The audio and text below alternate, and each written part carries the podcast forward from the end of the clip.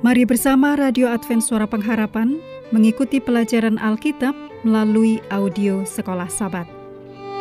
Selanjutnya kita masuk untuk pelajaran hari Minggu tanggal 17 Desember. Judulnya Ditawan dalam Budaya Asing. Mari kita mulai dengan doa singkat yang didasarkan dari Efesus 5 ayat 8. Sekarang kamu adalah terang di dalam Tuhan.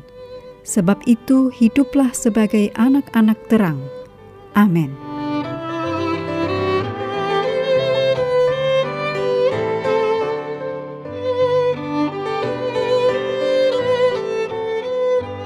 Tidak mudah untuk diasingkan di sebuah budaya asing. Adalah sulit bagi kita saat ini untuk mengerti apa yang dihadapi oleh orang-orang Yahudi. Pertama, mereka berada di bawah Babel, dan kedua, di bawah Persia. Sebagai contoh, tidak satu pun dari kita tinggal di sebuah negara Advent di mana prinsip-prinsip iman kita dalam tingkat tertentu merupakan hukum dalam negeri itu. Tetapi sebelum ditawan, orang-orang Yahudi tinggal di negara mereka sendiri ketika prinsip-prinsip iman adalah bagian penting juga dalam hukum-hukum negara mereka. Pada satu tingkatan, pikirkan betapa mudahnya untuk setia kepada Allah. Lagi pula, betapa mudahnya untuk memelihara sabat hari ketujuh jika pada kenyataannya memelihara sabat hari ketujuh adalah bagian dari hukum-hukum yang ada di negara di mana kita tinggal. Di satu sisi, sejarah suci menunjukkan kepada kita bahwa apa saja perintah-perintah dari satu negara, bahkan jika hal itu cocok dengan iman, kesetiaan haruslah berakar dari hati, dari dalam, atau kalau tidak, dosa, kemurtatan, dan kehancuran pasti akan mengikutinya.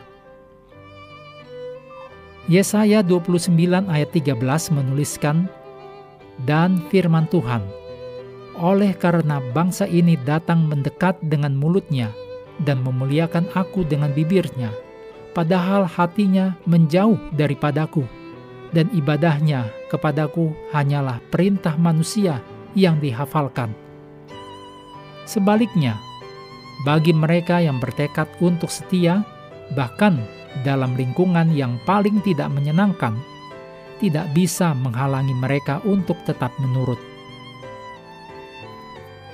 Daniel 1 ayat 1 sampai 12 Daniel berketetapan untuk tidak menajiskan diri dengan santapan raja.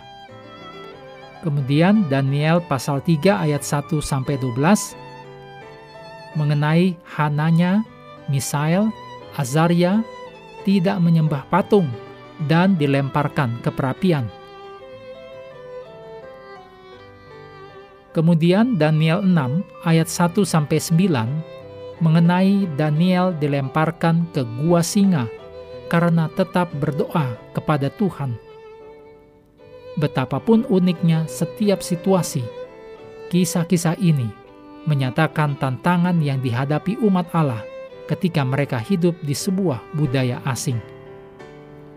Siapa pun kita atau di mana kita tinggal, sampai taraf tertentu kita lebur dalam lingkungan yang baik oleh hukum itu sendiri ataupun oleh budaya atau keduanya dan semua itu sangat bisa untuk menantang iman dan kesaksian kita.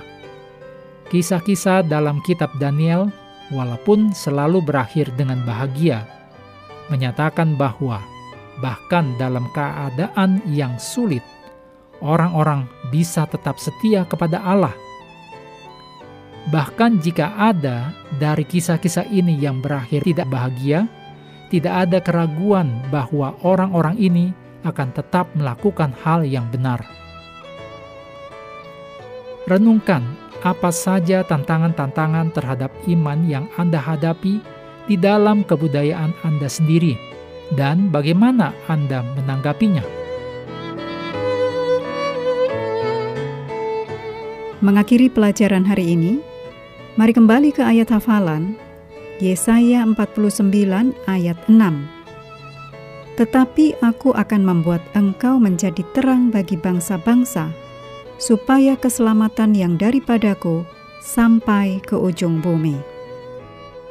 Kami terus mendorong Anda bersekutu dengan Tuhan setiap hari, bersama dengan seluruh anggota keluarga, baik melalui renungan harian, pelajaran sekolah sahabat, dan bacaan Alkitab sedunia percayalah kepada nabi-nabinya yang untuk hari ini melanjutkan dari Yesaya pasal 24. Tuhan memberkati kita semua.